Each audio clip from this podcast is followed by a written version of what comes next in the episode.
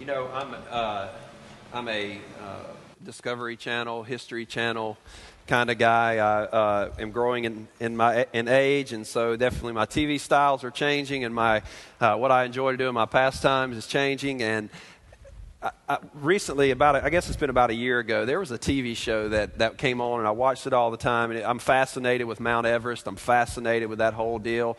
Um, never will go because I'm uh, out of shape and afraid of heights.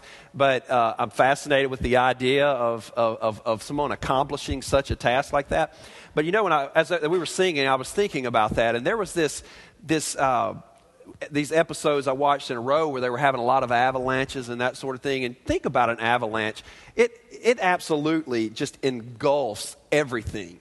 You know, when I, when I think about the lyrics of that last song about grace and the grace of God being like an avalanche and that it is consuming, it, and it pretty much just absorbs everything in its path. When an avalanche on a mountain rolls down the hill, there's no stopping it. It just goes until it's avalanched. I guess that's the past tense verb for that.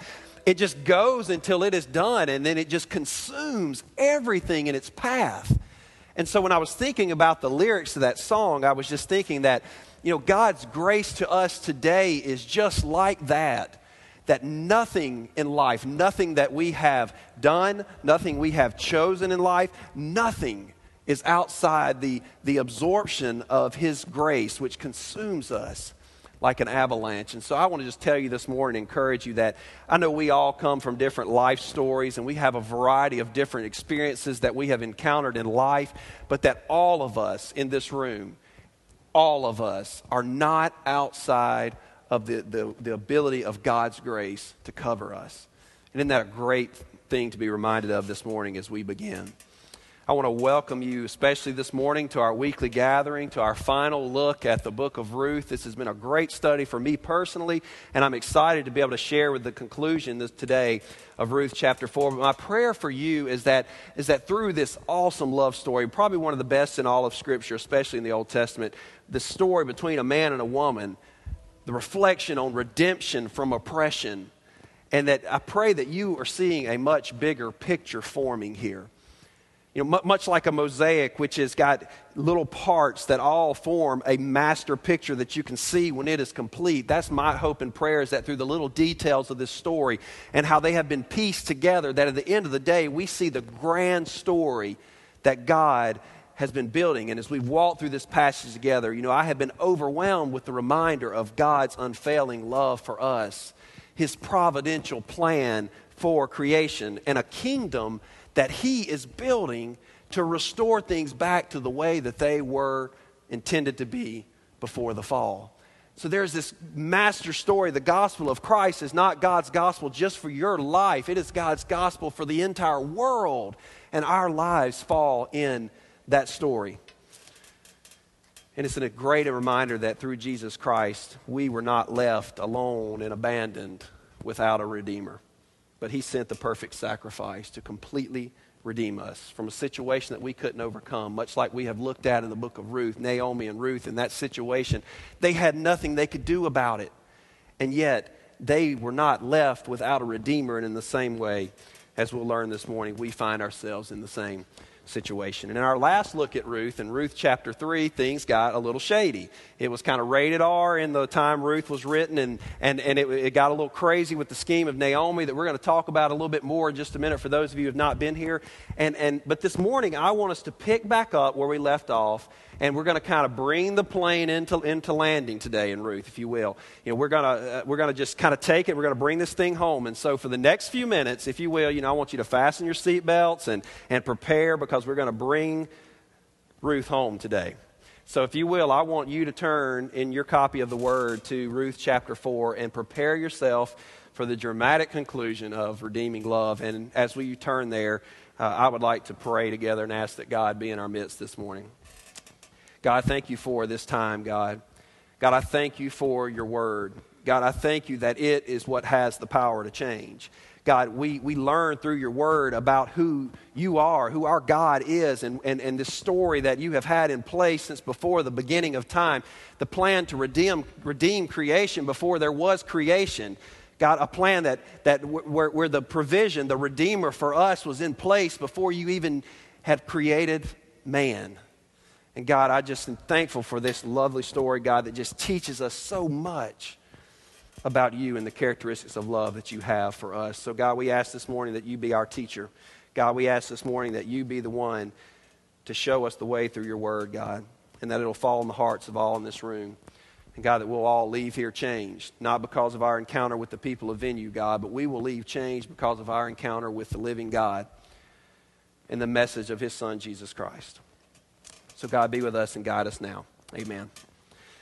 Okay, so as we have done the previous three weeks that I have taught, I want to kind of bring everybody up to, up to speed on what is taking place. For those of you who've been out or missed a week, I kind of want to just do a, a quick Cliff Note version of the book of Ruth and what was taking place here. Because if you remember, each week we've kind of stopped with a to be continued deal. And so I wanted this morning just kind of catch you up. Um, I'm not a big TV fan, but um, I catch myself with my obsessive personality. When I do start watching one, I watch it religiously. And uh, w- my wife got me into this uh, uh, Lost series that came out for six years, and there were six years of my life that uh, were confusing. And, uh, and so, you know, I got used to hearing the words at the end of every episode, or at the beginning of every episode. You remember this previously on Lost, and they would catch you up to date on what was taking place, right? And, and for six years we did this, and you know, they, they wove the tale for five years, and they unwound it in one year. So, uh, but this morning, what I want us to do is be reminded of what is going on here in the story. Previously in Ruth, this is what was taking place, okay? We learned in Ruth chapter 1 that Naomi and her husband Elimelech, they were worshipers of Yahweh. They were Israelites. They worshiped the God of Israel along with their two sons, but they moved to Moab, to a pagan nation. They were looking for food. There was a great famine in Bethlehem, and so they moved in search of food and provision. And while in Moab, though, Elimelech, along with both of his sons, they pass away. And so Naomi is left there with only two daughters in law. So you've got Naomi, an Israelite woman, which is a lot of things going against her in a Moabite nation, and she's not there with any kinsmen, any, any sons, no offspring. That there was 10 years that Orpah and Ruth, her daughters-in-law, were married to her sons, and they had no kids. And so we find her here in, in the middle of Moab without any offspring, with two pagan daughter-in-laws from the land of Moab. Naomi is bitter. She hears a word. She said God has acted against her, and, and, and she hears a word that Yahweh, she hears just a word that Yahweh had returned to Bethlehem, to the fields, and was bringing provision back to her people. And so, based on that, she decides that she will return home with only Ruth. She left with both of them. She sent them, challenged both of them to go back to the nation of Moab so that Yahweh may act kindly toward them. He may show them the hesed, the characteristics, the cluster of characteristics of who he is. And, and Orpah returns, but Ruth stays with her and makes her a covenant that she would never leave her side. So they come back to Bethlehem at the beginning of the barley harvest. And we end chapter 1 at the end of the harvest. And that's significant because they are returning at the beginning of all harvest season. Then in chapter 2, we are introduced to the hero, Boaz. Boaz comes onto the scene. In the very first, uh, chapter 2, verse 1, we learn about who Boaz is. He's a kinsman of the clan of Elimelech. Now, you had, you had, you had tribes and you had, uh, you had uh, you had your tribes in, in, place that were kind of the, the overarching deal. You had the clans, which were kind of underneath that, and then you got individual families. So we know that he is a part of the line of Elimelech, their family here. And so we learn he is a worthy man, not only worthy in character, but also worthy in, in, in having substance. He was a wealthy man. He had landowners, he owned land, which was like gold back then. He was well off, and he had the ability to redeem the family. Now, for an Israelite, if they were reading this story, they would have understood right away and seen the connection. Naomi, widowed, no way to provide for herself, wealthy man, man of noble character, uh, Boaz, and he could take care of the family. But Ruth, unaware of this, who this Boaz was, probably because of her, her nationality, unaware of even what we meant by kinsman redeemer. She didn't know the process there. She was not an Israelite. She tells Naomi that she's going to go and she is going to glean in a field with a person that she might find favor. So, unaware of Boaz, unaware of anything, she sets out just to go and work to try to provide for Naomi to try to do what she can to provide for her. She's not a hired servant, but we talked about according to the Mosaic law, landowners in the Israelite culture would have left portions of the field un- unharvested. They would have left some, some remnants behind for, for people who were without to come and to, to, to get to harvest food so that they could be provided for. We also learned the importance of, of, of the fact that she was a Moabite, so she didn't fit into this, this, this deal. She was an outsider here, and so she needed to find favor in a landowner. Well, it just so happens, as most love stories do, that she ends up in the field of Boaz. So, by chance, the one who was a kinsman redeemer to Naomi's line, she ends up in his field. And we begin to see that what seemed like a hopeless situation was actually just part of God's providence for their life. That God would paint a picture of a providential plan in life through this situation. So Boaz, he returns to the field and he instantly he sees Ruth. He notices Ruth and he approaches her and he basically gives her a free pass. He says, "Don't work in anybody else's field. Stay close to my servants." Eat what you need. He provides for her food. Drink water from the wells that my male servants have drawn. And he invites her then to come and eat lunch with him. This is, a, this is crazy because he's inviting a woman servant who's not even one of his servants. She is a Moabite, and he's inviting her to come sit. And, it's, and the verb that actually comes from the original language was that he actually served her, which was just unbelievable there in that situation. Well, then Ruth prepares to return home, and where a normal ration for people would have been two to three pounds of grain, she comes home with about 50 pounds to Naomi. And she comes, and Naomi recognizes this was uncommon. She recognizes this is way outside the norm. And she says, Whose field have you been working in? And, and, and Ruth tells her that it was Boaz. And Naomi is once again reminded about the faithfulness of Yahweh. You begin to see a shift in the story because now Naomi is starting to see, okay, Naomi who was bitter, who returned based on a word that Yahweh was coming to, to, to provide for his people. And now she remembers Boaz, one of Elimelech's family. Ruth has found favor in his sight and in his, in his work. Chapter 2, though, ends with a letdown for us that are hopeless romantics in that Naomi just continued to work and live with her mother in law you know, this story builds up and they have this date and everything's exciting and you expect it just to flourish and love to just grow and it become this happy thing. But we learn for the rest of the harvest season, she went to work. She came home and lived with her mother in law. She went to work. She came home and live with her mother in law. And we, don't, we have no written account of any other type of interaction. Obviously, there would have been some by the love interest they had in each other and her working in Boaz's field, but we have no account other than that she lived with her mother in law. And that's where chapter 2 ends. But then we get into chapter 3 as we looked at the last time, and it's the end of barley and wheat harvest. And it gets crazy. She's, she's, it's probably a two month or so season. It's at barley winnowing time, which is when they would basically separate the seed uh, from just the, the, the, stuff that they would just discard. And so they would take and they would throw the, the barley or the wheat in the air, and the wind on a cool night in the evenings would blow the chaff away, and it would let the seed fall to the threshing floor. They would gather up the seed, and that's what they would use. And the lighter materials would just be blown away by the wind.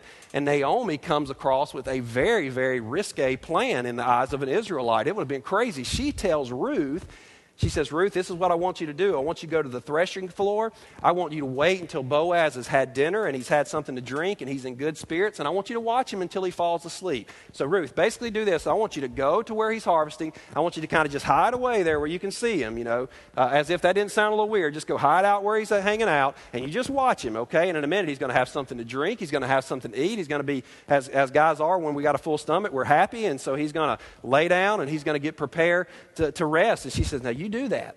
And when he falls asleep, I want you to go and uncover his feet and lie down by him. And, and, this is how far Naomi had thought about it. I kind of think Naomi got to that point in the plan, and I could see Ruth going, okay, yeah, what's going to happen now? And she's like, you just wait. He'll tell you what to do next. And that's where the plan ends. And so Ruth says, I'll do whatever you say, Naomi. And so she goes. Ruth watches the man that she loves fade into sleep. And she's, you know, her heart is racing and she's going nuts here because she's fixing to do something crazy. This is kind of a move of a, of a prostitute. She's going to go, and that would have been a way that they would have solicited a, a, a that the way they, a woman would have solicited a man during that time. But she goes in, she he falls asleep, she uncovers his feet, and she just lays down. And that's as far as the plan goes, as far as she knows. Boaz uh, during the night is startled. Uh, you know, like we talked about, probably uh, bare legs that don't see the night air, feeling the night air. And, and Boaz is startled, and he asks Ruth, he wakes up and says, You know, who, who are you? I don't know exactly how he said it. It was probably a little more energetic than that. But he says, You know, who are you? And Ruth replies, Not like she had in previous chapters. She doesn't say a slave, but she uses a language that indicates that she is Boaz's servant, available for him indicating that through her language that what she is saying is, is, she wants Boaz. She wants him to pursue her in marriage. And so romance has been offered. It has been accepted by Boaz, but then there's a problem that comes in because Boaz is a noble and worthy man. And he knows the custom and he knows the process. And he commends her. He says, Everyone in the town knows that you are a worthy woman. But he says, he has to follow customary rules. He knew the law, and although, although he had the means, the money, he could redeem the family through the redemption. He could provide for Naomi, he could provide for Ruth, and, and, and he knew this. And, but he tells her, There is a redeemer that is nearer than I am. He knew the custom. He said, there, There's another kinsman that has the right to redeem the land and to take care of you prior to me, and we have, I have to go to him. So he tells her to wait until morning, and Boaz would allow the one who had the right to the first option to decide. So he leave, she stays there, and before in the morning it says, before anyone could recognize who anyone was, he sends her back with provision to Naomi. He says, "May you not go back. May you not go back to Naomi empty-handed," which is a great parallel that we see in the beginning when Naomi says she has returned. She left with everything, and she has returned empty-handed. And we see Boaz now sending back and providing for Naomi. So Naomi tells Ruth that that Boaz, he, she comes back and she tells her what took place. I can understand that Naomi must have been just going crazy, waiting through the night to see what would take place. And Naomi tells Ruth that you, Boaz will take care of this situation today. Boaz will make sure that this is resolved. And so chapter 3 closes and we see them waiting. And that's the last words we would hear from Naomi and Ruth in the whole book. And now they are just waiting to see what would take place. It's the situation is kind of out of Boaz's hands, it's out of Naomi and Ruth's hands. It lies in the decision that we will find out about today in chapter 4. So, this brings us up to chapter 4 into a place where we see how the story will play out. Remember that Boaz, by culture, has this order that he has to follow. He cannot just redeem the land because, due to the law, there's a process for a kinsman redeemer. Kinsman redeemer, one word in the Hebrew, two words in English. It would, it would be, uh, it's important that we note here that Naomi is not in a position to sell the property. When Elimelech died, the property, it says that she is going to be selling the property. It would have been passed to, to his sons, and if they were deceased, then the property had to be redeemed by a kin, kinsman. Now, kinsman indicates the nearest male adult family member. So let's break this down. Kinsman, redeemer. Kinsman meaning the nearest male adult family member. Boaz is a kinsman. We learned in chapter 3 that there's a near relative. But then we also have to focus on the term redeemer. It had to be, the person had to be able to redeem the property, which wouldn't mean just buying land from Naomi. It would indicate inheriting the property with understanding that as a kinsman, he would have to take care of Naomi and any other widow, which at the time, this will learn that this redeemer was unaware of the presence of Ruth in the line of Elimelech. So we see that there is a process in place for the redemption of land and the provision for widows. Now, I want us to take, take some time this morning to look at this. Flip over to Leviticus, the exciting book of Leviticus 25.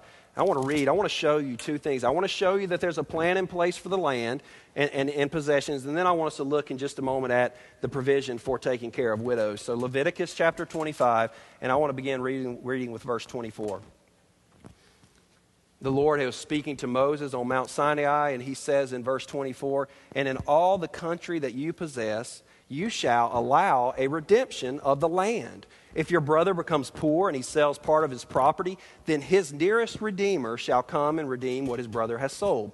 If a man has no one to redeem it and then himself becomes prosperous and finds sufficient means to redeem it, let him calculate the years since he sold it and pay back to the balance to the man in whom he sold it and then return to his property. But if he has not sufficient means to recover it, then what he sold shall remain in the hand of the buyer until the year of Jubilee in the Jubilee, it shall be released, and he shall return to his property. So, this is important. Land was everything. Without land, you couldn't farm. Without land, you couldn't provide for your crops, for your food, or for income for your family. So, in the Jewish law, there was put in place a provision for a kinsman to redeem the loss of land if there's no one to do that, then the land would be returned on the year of Jubilee. Now, we've talked in the past, the year of Jubilee was basically a period of time that, that it was a year where all debts were forgiven and all, all land that was collateralized would be returned and everybody would get their stuff back.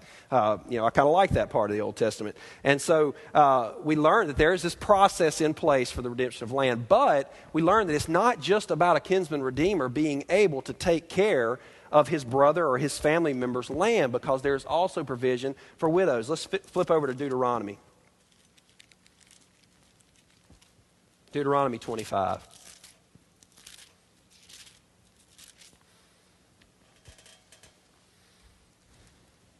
So in Deuteronomy 25, beginning with verse 5, we read this If brothers dwell together, and one of them dies and has no son, the wife of the dead man shall not be married outside the family to a stranger. Her husband's brother shall go into her and take her as his wife and perform the duty of a husband's brother to her. And the first son whom she bears shall succeed to the name of his dead brother, that his name may not be blotted out of Israel. And if the man does not wish to take his brother's wife, then his brother's wife shall go up to the gate that's important. It was a place of, of business. Go up to the gate to the elders and say, My husband's brother refuses to perpetuate his brother's name in Israel. He will not perform the duty of a husband's brother to me. Then the elders of his city shall call him and speak to him. And if he persists, saying, I do not wish to take her, then his brother's wife shall go up to him in the presence of the elders and pull his sandal off his foot and spit in his face. And he shall answer and say, So shall it be done to the man who does not build up his brother's house. And the name of his house shall be called in Israel, the house of whom who, the house of him who had his sandal pulled off. And we'll talk a little bit about that in just a minute. It sounds like a pretty, pretty interesting insult, right? You know, pull your sandal off and spit in their face. So we see that there is a pr- process for redemption of the widow. So in the Jewish law, the kinsman redeemer had an obligation to redeem uh, land that was lost, but to also redeem the family through providing children for the widow to carry on the name of the deceased. So now in chapter 4, if you turn back to Ruth, chapter 4. The curtain rises on our story, and we now see the story, how it plays out. So, with this information as the backdrop, let's read together chapter 4 and just take this. We're going to take it verse by verse. We're going to take it situation by situation and see how this story comes together. So, Ruth chapter 4, verse 1, and it says Now Boaz had gone up to the gate and sat down there. And behold, the Redeemer of whom Boaz had spoken came by. So Boaz said, Turn aside, friend, and sit down here. And he turned aside and he sat down. And he took ten men of the elders of the city and he said, Sit down here. And so they sat down. So Boaz finds himself making good on his commitment to Ruth that he will resolve the matter the next day. I mean, this is a guy wanting to marry a lady. So, I mean, he's eager. This, he, he's not just going to, he didn't just kind of mess around for a couple days. I mean, he goes and he says, he goes and sits down at the gate in preparation to take care of this matter. He immediately left uh, the work he was doing right in the middle of harvest season. You got to remember, he was on the threshing floor. He had work to do, but he drops it and he leaves and he returns to the gate to wait on the nearer kinsman redeemer.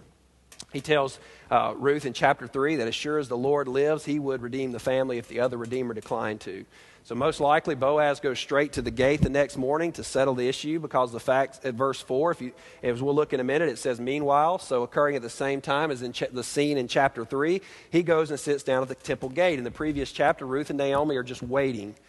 They're in anticipation, waiting. And so while that situation is taking place, he goes to settle the matter. The town gates had significance beyond just a way to come in and out of the city and a way to just protection for the city. The gates, this was a location of business. It was well traveled. People came in and out of these gates. And so it was a very well traveled place. It was very busy. It would have been a place where court occurred, as, as, according to custom with the elders of the city to make it a legitimate trial. They would have had court there. They would have, they would have, commerce would have happened there. It was a very busy area. So Boaz goes. He finds the nearer kinsman. He says, All right, you got to sit down here. And he goes and he finds the 10 elders. He says, Y'all gather around. And he, you can tell, I'm sure he's really energetic and excited and nervous because he has no way how this thing's going to play out. He knows he loves Ruth and he wants to be with Ruth and he wants to redeem the family line of Elimelech. But he also knows that this, this interaction that's about to take place is outside of his hands. He can do nothing if this kinsman redeemer decides to redeem. And so no, we know, obviously, that Boaz was probably a powerful man. And so it was no surprise that the elders stopped what they were doing to come and to hear the trial. So let's look at verse 3. Then he said to the Redeemer, Naomi, who has come back from the country of Moab, is selling the parcel of land that belonged to our relative Elimelech. So I thought I would tell you of it and say, Buy it in the presence of those sitting here and in the presence of the elders of my people. If you will redeem it, redeem it. But if you will not, tell me that I may know, for there is no one besides you to redeem it, and I come after you. And he says, I will redeem it. Then Boaz said, The day you buy the field from the hand of Naomi, you also acquire Ruth, the Moabite, the widow of the dead, in order to perpetuate the name of the dead and his inheritance. Then the Redeemer said, I cannot redeem it for myself, lest I impair my own inheritance. Take my right of redemption yourself, for I cannot redeem it.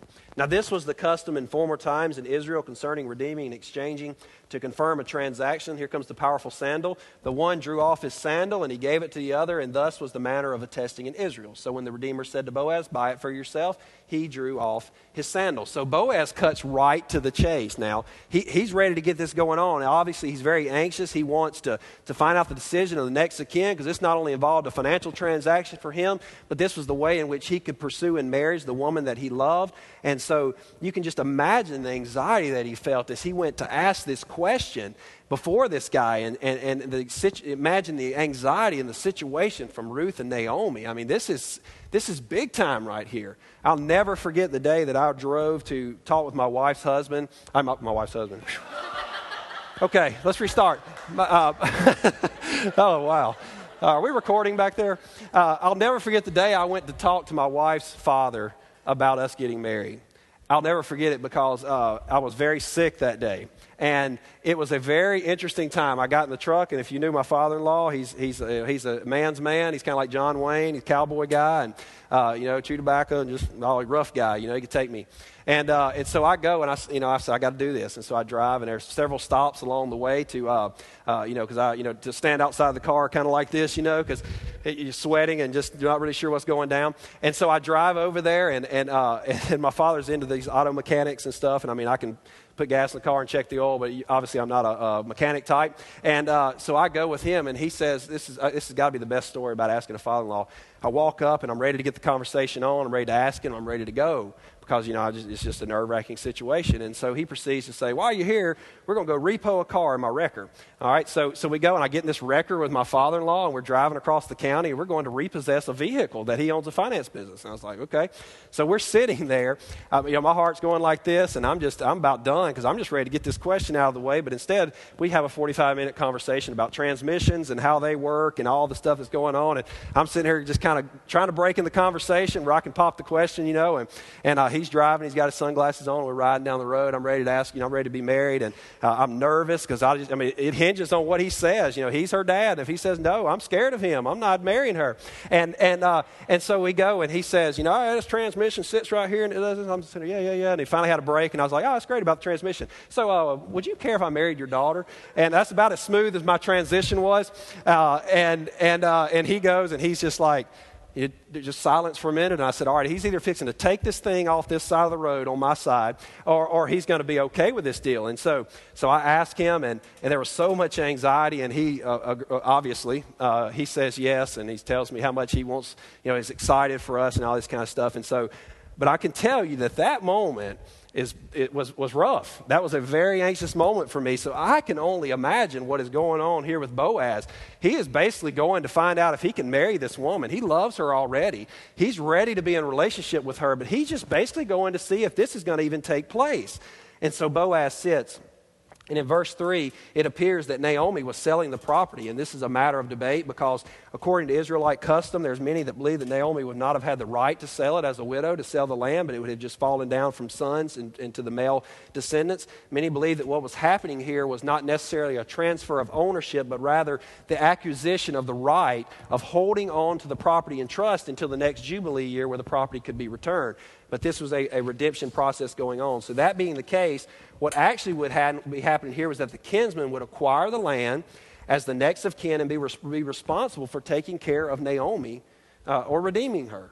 So it, it, would be, yes, I will be a kinsman redeemer, meaning that he will not only redeem any kind of debt, but he will also take care of Naomi. Now, this was a huge deal because land was a very important asset.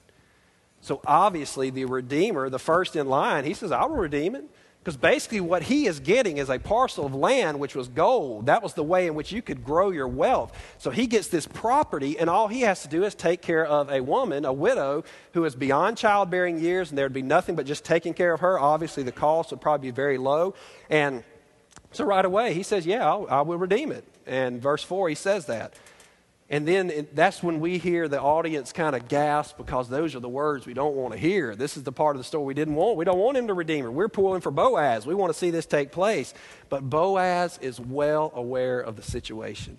And he informs the man of the obligation of redeeming Ruth, the Moabite.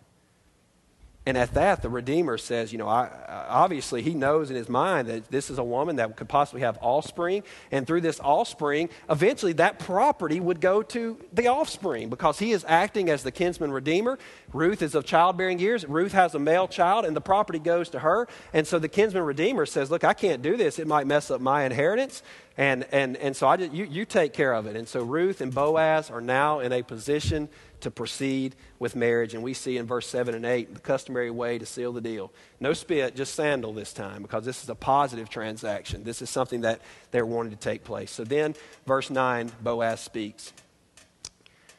Then Boaz said to the elders and all the people, You are witnesses this day that I have bought from the hand of Naomi all that belonged to Elimelech, and all that belonged to Chilion and Mahlon. Also, and listen how he refers to Ruth. Also, Ruth, the Moabite, the widow of Mahlon, I have bought to be my wife to perpetuate the name of the dead and his inheritance, that the name of the dead may not be cut off from among his brothers and from the gate of this native place. And you are witnesses this day. How special that despite the unusual desire, Ruth, uh, Boaz does not use this as a way to trick the guy to say, look, if, you, if you're going to redeem the land in place of me, you've got to take care of Ruth the Moabite. I mean, he's basically saying, Ruth the, the, the pagan, you've got to take care of her too. And obviously, he says, I can't do this. But when the transaction is complete, Boaz says, I've also, in addition to taking care of Naomi, I am purchasing Ruth the Moabite as my wife. And we read in verse 11. Then all the people who were at the gate and the elders say, We are witnesses. May the Lord make the woman who is coming into your house like Rachel and Leah, who together built up the house of Israel.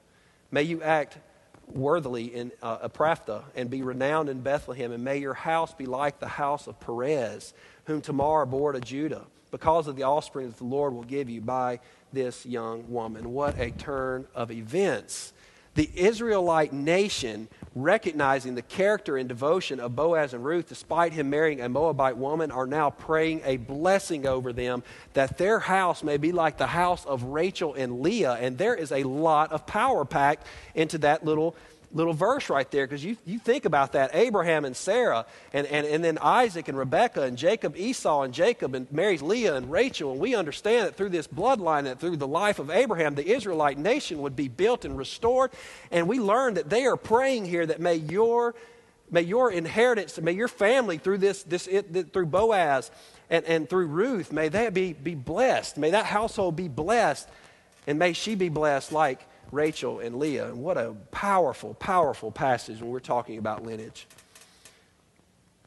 Now, to understand verse 12 would take a great deal of reading and history, and we don't have enough time to really go into all those details. And so, if you allow me for our time this morning to just kind of draw the parallel they are trying to make here, if you look back in verse 12, it says, May your house be like the house of Perez, whom Tamar uh, bore to Judah, because the offspring of the Lord will give you by this young woman. And basically, what's taking place here is the line of Judah, Judah was continued through Tamar. She was a Canaanite woman, so she would have been very much like Ruth. She would not have been from the right nationality, but through her, the house of Perez continues, and they're saying, May your line be the same. Through this woman, may your line continue. So, all of this built up to this moment. And I think the writer, go through verse 12, think about the, the, the, beautiful writing and, the, and the, the words that are contained in this passage of Scripture. And all of this builds up to this point. And, and some, some believe that the writer of Ruth may have been a woman just because of the beautiful uh, way in which the sentences and words are constructed together. But obviously, in 13, if it was a woman, she took a break and she let the man write the details of the wedding. 13 says, So Boaz took Ruth, she became his wife. He went to her, the Lord gave her a son, she bore a son. So, so, so all of this building up, all of this stuff about uh, the poetry and, the, and the, the love that's built up here and in 13, we get to that, it says they got married, got pregnant, had a kid. Sounds like us guys, you know. Have you ever noticed that about men and women and how women recap everything about weddings? The flowers were just exquisite. You know, her, her gown was breathtaking. Did you see the way they looked in each other's eyes? Did you see that? And, and you know, women cry at weddings of people they don't even know. When they go as a courtesy deal, they start crying just because the, they're overwhelmed with the emotion. You know, guys, you know, how was the wedding? Uh, it's fine. It only lasted 15 minutes and the cake was good. You know, that's kind of where we're at. And so we see here in verse 13 the similar thing taking place here. They're saying, you know, all right, all this stuff. And they say, well, they got married, she got pregnant, had a kid. Uh, but we learn the details of what continues this story. But an interesting thing happens in verse 14. And I want us to read this. Then the women said to Naomi, Blessed be the Lord, who has not left you this day without a redeemer, and may his name be renowned in Israel. He shall be to you a restorer of life and a nourisher of your old age, for your daughter in law, who loves you, who is more to you than seven sons, has given birth to him. So, an interesting thing happens now because the women of the city are now referring to the baby as the one who redeemed Naomi's family. He's the one that's going to continue the bloodline. He is the one that's going to take up the inheritance of Elimelech. He is the one that, the, that the, the clan of Elimelech, that family will not be removed from the gates, as it said at the beginning, but they would be recognized as a family with a continuation of the line. He would carry on the name of Elimelech. And then, verse 16 and 17, we read Then Naomi, she took the child she laid him on her lap and became his nurse.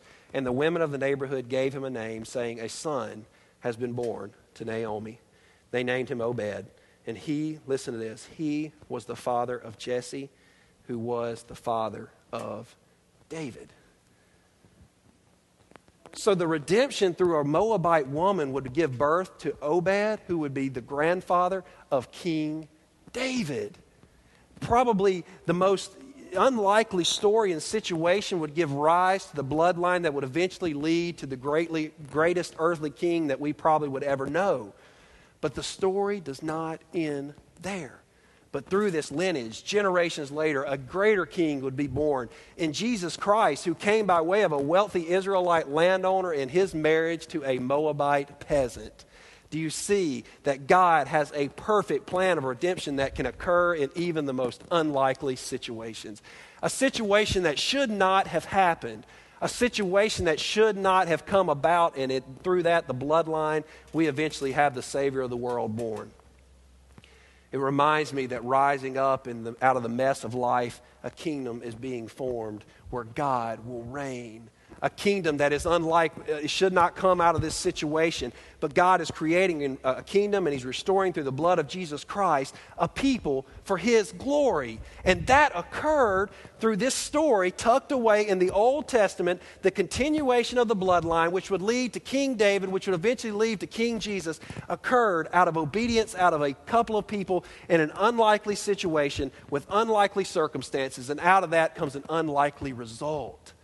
God is doing something special. Now, I want us to see three things from this book this morning, but in order to do that, we got to go one last place. I want you to turn to the New Testament to Hebrews chapter 9. And I want us to kind of wrap this up and draw some parallels. Because what I see when we read Hebrews 9, and as we look back on the book of Ruth and in our current situation, I think we see three, three aspects of this story of redemption played out. Three different stories. So let's read Hebrews chapter 9 and then finish up.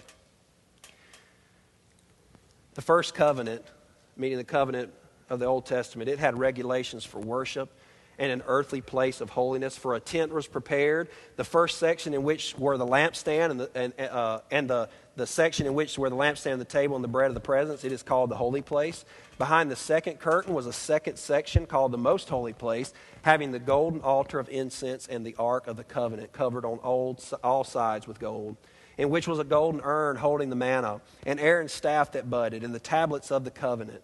Above it were the cherubim of glory, overshadowing the mercy seat. Of these things we cannot now speak in detail. These preparations having thus been made, the priests go regularly into the first section, performing their ritual duties. But into the second, only the high priest goes, and he goes but once a year, and not without taking blood, which he offers for himself and for the unintentional sins of the people. That's important. By this, the Holy Spirit indicates that the way into the holy places is not yet open as long as the first section is still standing, which is symbolic for the present age. According to this arrangement, gifts and sacrifices are ordered that cannot perfect the conscience of the worshiper, but deal only with food and drink and various washings, regulations for the body imposed until the time of Reformation. But when Christ appeared as a high priest of the good things that have come. Then, through the greater and more perfect tent, not made with hands, that is, not of this creation, he entered once for all into the holy places, not by means of the blood of goats and calves, but by means of his own blood, thus securing an eternal redemption. For if the blood of goats and bulls and the sprinkling of defiled persons with the ashes of a heifer sanctify for the purification of the flesh, how much more will the blood of Christ, who through the eternal Spirit offered himself without blemish to God, purify our conscience from dead works to serve the living God. Therefore, he is the mediator of a new covenant, so that those who are called may receive the promised eternal inheritance, since a death has occurred that redeems them from the transgressions committed under the first covenant. For where a, a will is involved, the death of the one who made it must be established. For a will takes effect only at death, since it is not in force as long as the one who made it is alive. Therefore, not even the first covenant was inaugurated without blood. For when every commandment of the law had been declared by Moses to all the people, he took the blood of calves and goats with water and scarlet wool and hyssop and sprinkled both the book itself and all the people, saying, This is the blood of the covenant that God commanded for you. And in the same way, he sprinkled with the blood both the tent and all the vessels used in worship. Indeed, under the law, almost everything is purified with blood. And without the shedding of blood, there is no forgiveness of sins. Thus, it was necessary for the copies of the heavenly things to be purified with these rites, but the heavenly things themselves with better sacrifices than these. For Christ has entered not into the holy places made with hands, which are copies of the true things, but he has entered into heaven itself now to appear in the presence of God on our behalf. Nor was it to offer himself repeatedly as the high priest enters the holy places every year with blood not his own, for then he would have had to suffer repeatedly since the foundation of the world. But as it is, he has appeared once for all at the end of the ages to put away sin by the sacrifice of himself. And just as it is appointed for man to die once, and after that comes the judgment. So Christ, having been offered once to bear the sins of many, will appear a second time, not to deal with sin, but to save those who are eagerly waiting for him. What a beautiful story of redemption. And I think we see out of this passage from Ruth and this passage in Hebrews, we see three characteristics of redemption from the book of Ruth that I want us to kind of finish with today. And I think, first of all, we learn through all passages that there is a price of redemption. There is a price of redemption that must be paid. Look in Ruth's situation. Boaz had to pay a price in order to redeem the line of Elimelech. He had to pay the price. There was the redemption of the land, which required the care of Naomi and Ruth, uh, both of them widows. This was a great cost, as we see in the choice of the near kinsman. He could not accomplish it. There was also the price of marriage, which Boaz took gladly because he loved Ruth. But there was also a price uh, the price was also so great that Obed, the son of Ruth and Boaz, would be the heir to the land, not Boaz. So we see there is a, in the in the situation with Ruth, there was a price for redemption. In Hebrews chapter nine in the Old Testament covenant, we recognize in verse seven that the purpose, the price was that was because of the unidentified sins, the unintentional sins, and so the blood had to be sprinkled of animals to cover the sins. There was a price. We see that in the Old Testament, prior to the new covenant, Christ spoke about the priest would take the, the perfect lamb, and that would become the sacrifice, and they would enter the Holy of Holies, and they would sprinkle, and it would, it would cover the sins of the people. Leviticus speaks about this. But redemption by way of blood had a cost. And in our life, we recognize that there is a cost as well, and it is the sin in our life. We know that sin leads to death. That's what scriptures teach us. Because of sin, there was a price. Someone had to die for that price. No way around it. Death had to come. It was our death, but we had a redeemer. Charles Spurgeon says a quote I love about, about sin. He says, he says, Do believe it, Christian, that thy sin is a condemned thing. It may kick and it may struggle, but it is doomed to die. Sin leads to death. And so we know that the price of our sin was death, but there's also a person of redemption. In Ruth, it was Boaz. He had to be qualified, as we learn in chapter 4.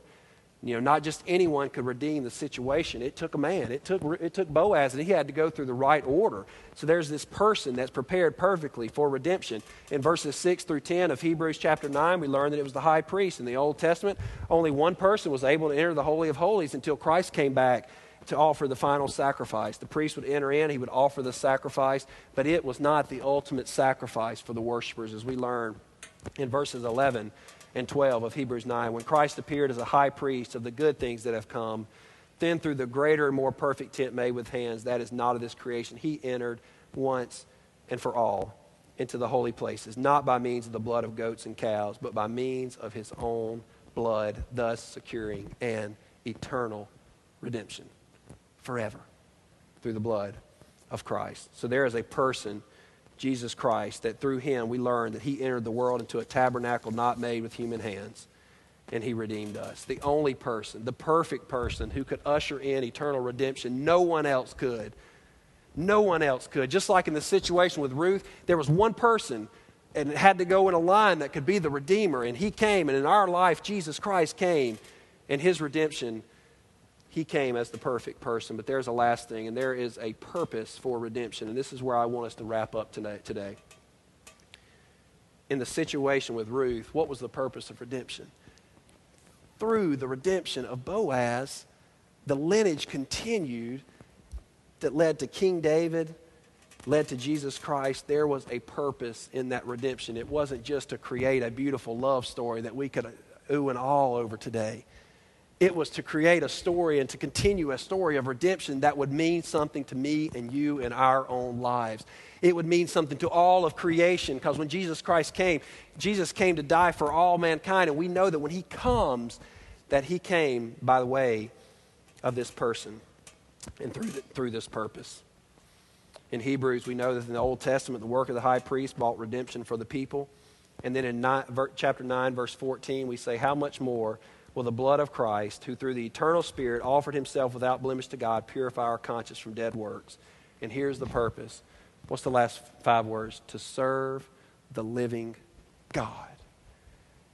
Redemption is not just so you and I can have forgiveness of sins and a free pass after this life we experience redemption, and because of the blood of Jesus Christ, because he offered himself without blemish to God, our conscience is purified from dead, and we are brought from dead works to works to serve the living God. So we have a responsibility in this redemption. For us, Jesus was offered unblemished. He cleansed us from the acts that lead to death, and our purpose is so that we may serve him. We were bought with a price through our redemption, and we are called as his people to serve not serve out of obligation, not serve out of duty, not serve just because we, it's the right, right thing to do necessarily.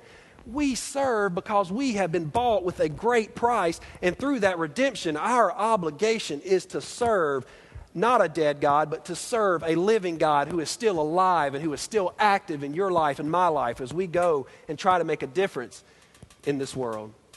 So, brothers and sisters, this morning we have an obligation as we reflect on this story we have a duty. A great price was paid for us. We must no longer offer excuses for this or that in life because our very existence is only because of the grace of God. We cannot fabricate life and to make it the way it should be. The blood of Christ is the only way in which life can be lived to the fullest. And so his challenge to us today is to serve him to offer ourselves, to offer our time, to offer our resources, to offer up our families, to offer up, up everything to serve Him for the kingdom because we have bought, been bought with a great price, and through that price, we are called to serve the living God. No matter what it may cost us, we serve the living God.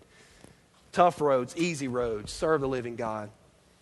And through this service, we wait in anticipation as God continues to build a kingdom not made with human hands, but his kingdom, where he is restoring creation to the way he created it to be. And I love Hebrews 9. If you look back at verse 27, I love how this chapter closes. And just as it is appointed for man to die once, and after that comes the judgment. We hear that verse used a lot of time with a period there, but it continues. So Christ having been offered once to bear the sins of many. He came one time to take care of sin, and he will appear a second time not to deal with sin, but to save those who are eagerly waiting for him. He's, he's returning one day and he's bringing this kingdom. And in the process, we have an opportunity to be a part of this process as he builds this kingdom a kingdom in which He will reign, in which we have an opportunity to be a part of on this earth to help grow the kingdom of God. He does not need us, but He chooses us. He chooses to create us, knowing that there would be a price that would have to be paid. And He had preparation before the beginning of time in John 1 through the Word to have the redemption of sin already in place. And when Christ came, He brought a new covenant and He tore down the old things. And He says, I'm coming once and for all to handle sin. And when I return, I bring my kingdom. And we have an opportunity to spread this message all throughout this world. And may we be a people with that burning desire to do that.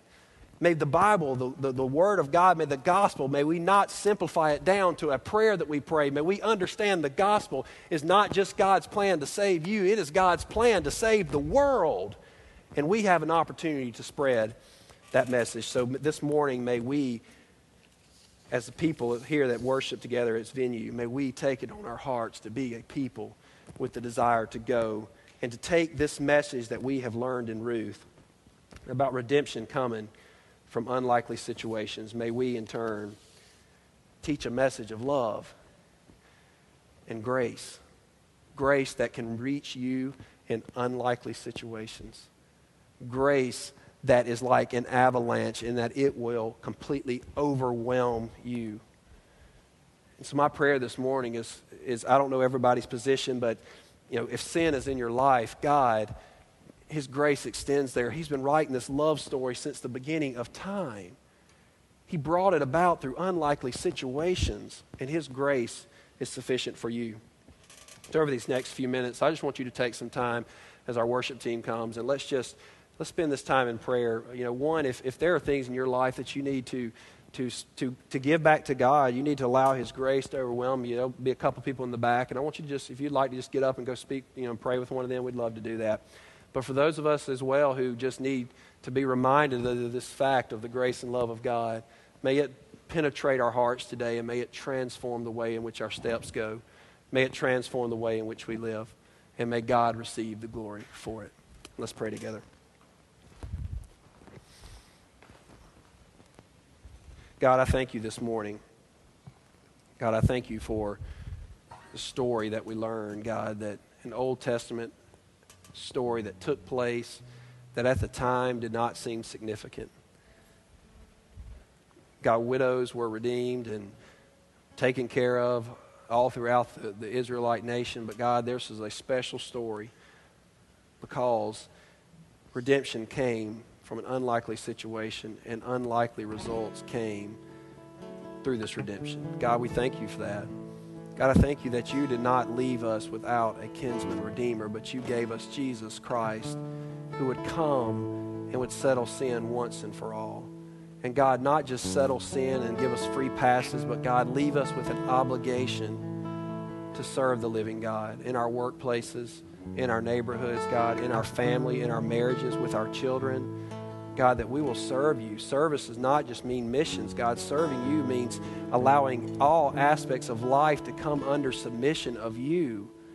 So, God, may we be a people who desire to bring everything under the authority and lordship of Jesus Christ. God, may we be a people who submit everything for your kingdom, God. It's not about our rise uh, in leadership, it's not about us, uh, God, growing anything, growing a church, God. It's about your glory. And may we be a people with that passion and desire, God. God, work in hearts this morning. God, just work in the hearts of those that are here. God, people that are doing battle. God, I pray that you just give them what they need to push through. God, marriages that are struggling, God, I pray that you just give them a direction, that you teach them how Christ loved the church and how the church responds to Christ and how that is the way marriage should be done. God, for parents struggling with kids, God, just help us to, to, to know, God, to, to have direction from you as to love our children and to, to, to train them up, God, in righteousness. But God, at the end of the day, may we all be a people that when we lay our heads down each night, that we can say with our life, you received glory. So, God, be with this time as we just worship you, we just spend the last minutes here together this week in, in, in worship and reflection, God. And I pray that you work in hearts. And I ask this in your Son's name, our Redeemer, Jesus Christ. Amen.